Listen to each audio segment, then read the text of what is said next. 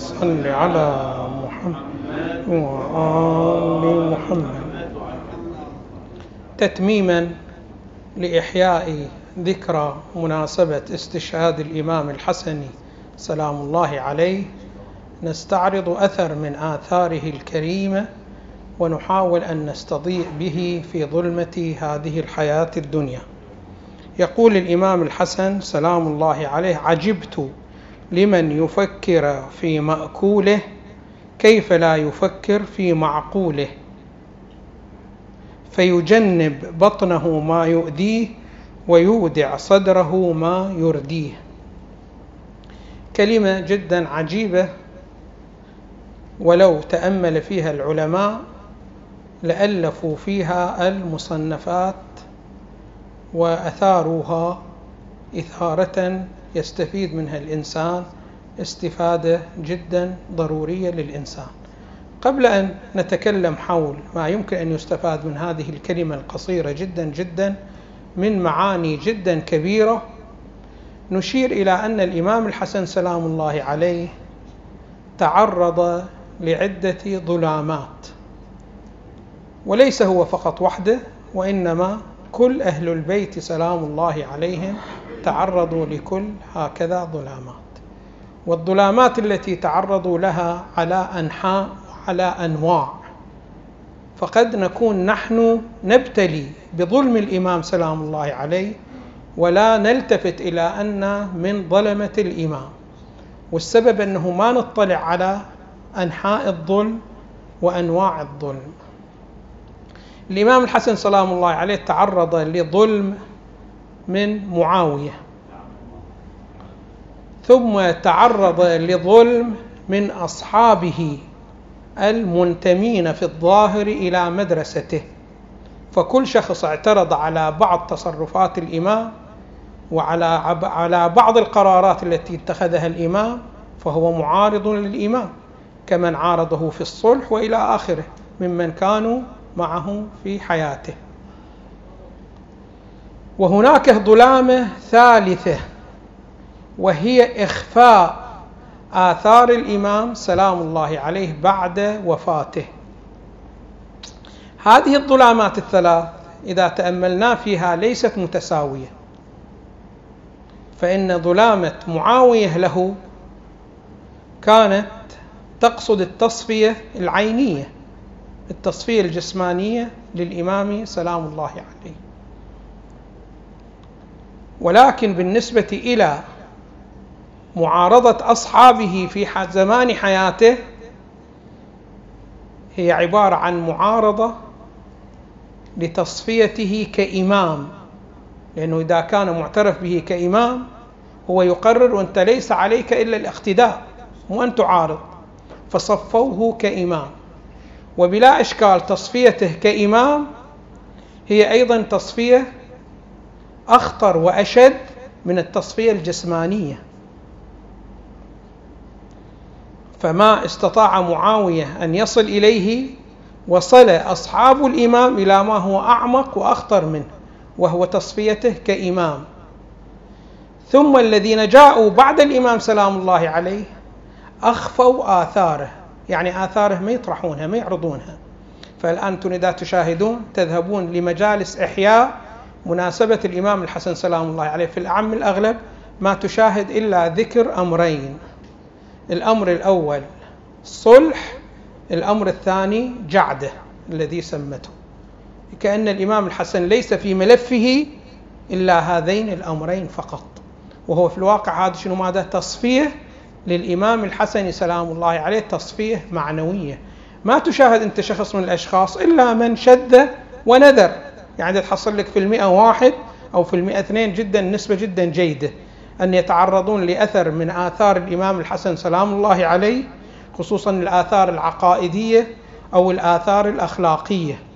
ما تجد إحياء لشخصية الإمام الحسن في هذا البعد. فهذا في الواقع هو شنو؟ ماذا؟ قتل وهو أشد من القتلين السابقين.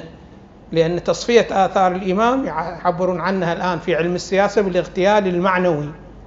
فالكثير مبتلى بظلم الإمام سلام الله عليه وهو لا يلتفت إلى أنه مبتلى بهكذا ظلم. وهنا علينا وظيفة شرعية تتوجه.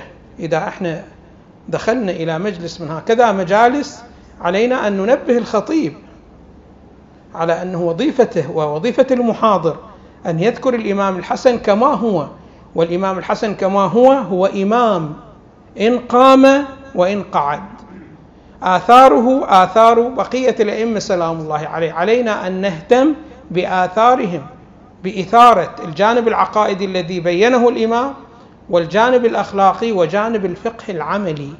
ولا نختزل الإمام سلام الله عليه في ماذا في الصلح الذي حصل في زمانه أو في جعده الذي قامت شنو ماذا؟ بسمه. هذا شنو ماذا؟ اغتيال لشخصية الإمام وظلم وظلم أكبر لشخصية الإمام من الظلامات الأخرى المتقدمة. خلينا نرجع إلى هذه الرواية الواردة عن الإمام سلام الله عليه يقول عجبت لمن يفكر في مأكوله. كيف لا يفكر في معقوله؟ الإمام سلام الله عليه هنا كما يقول المحققون يشير إلى أن كل إنسان في الدنيا الله سبحانه وتعالى كلفه ببناء ثلاثة مساكن. كل واحد منا مكلف ببناء ثلاثة مساكن. المسكن الأول هو هذا البناء وهو عبارة عن شنو؟ ماذا عن محل السكن. بيت السكن. هذا الإنسان قد يبني هو وقد يحصل عليه جاهز من إرث ومن آخرة. الشكل به الصورة بهذا النحو فهنا يمكن أن يتملص الإنسان من بناء هذا المسكن بيت السكنى. ثم عنده بيت آخر مكلف ببنائه وما يستطيع أحد آخر أن يبني له هذا البيت ولا بد أن هو يبنيه سواء كان هذا البيت صالح أو ليس بصالح وهو عبارة عن بيت البدن. فالبدن كل واحد شنو ماذا مكلف؟ ببنائه. وببنائه يتم إذا أردت بناء صالح يتم عن طريق تناول الطعام الحسن وتناول الطعام الصحي والحلال. عند ذلك يمكن لك أن تتمتع بهذا البيت وبهذا البدن. وعندنا بيت ثالث وهو بيت النفس. والأهم في هذه البيوت هو البيت الثالث وهو بيت النفس. لماذا؟ لأن بيت السكن تحتاجه لمده معينة من الحياة. مدة عمرك وحياتك شنو ماذا في الدنيا؟ ثم تفارقه وتتركه. خمسين سنة ستين سنة مئة سنة مهما طال ستفارقه. وهذا الأمر جدا شنو ماذا؟ بسيط بالنسبة إليه. ثم عندك شنو ماذا؟ بدن هذا البدن المادي والبدن شنو ماذا؟ الجسماني. وهذا شنو ماذا؟ يرافقك ولا إن يفارقك إلا شنو ماذا؟ إلا بالموت. تفارقه. وأما بالنسبة إلى بيت النفس فهو باق معك. الآن نحن نعرف بأنه بيت السكن كيف يكون؟ بيت البدن كيف يكون؟ نعرف هذا الشيء. ولكن بيت النفس كيف يمكن أن نبنيه؟ بناء صالح وبناء حسن. هذا الموضوع يتعرضون إليه العلماء في علم الأخلاق. فإن علم الأخلاق هو عبارة عن مواد بناء النفس.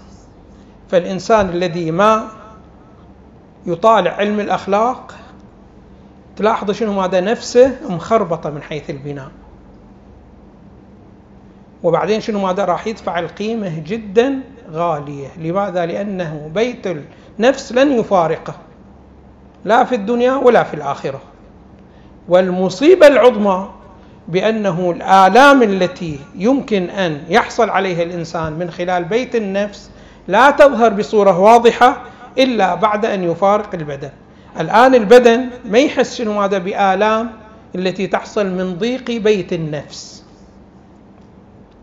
ولكن عندما تفارق النفس والروح البدن عند ذلك تدرك إدراكا واضحا للمضايقات التي تحصل في بيت النفس. فعندها تبدأ شنو؟ ماذا الآلام. فكثير من الناس لماذا يقولون شنو؟ ما ضغطة القلب ضغطة القلب هاي المراد منها.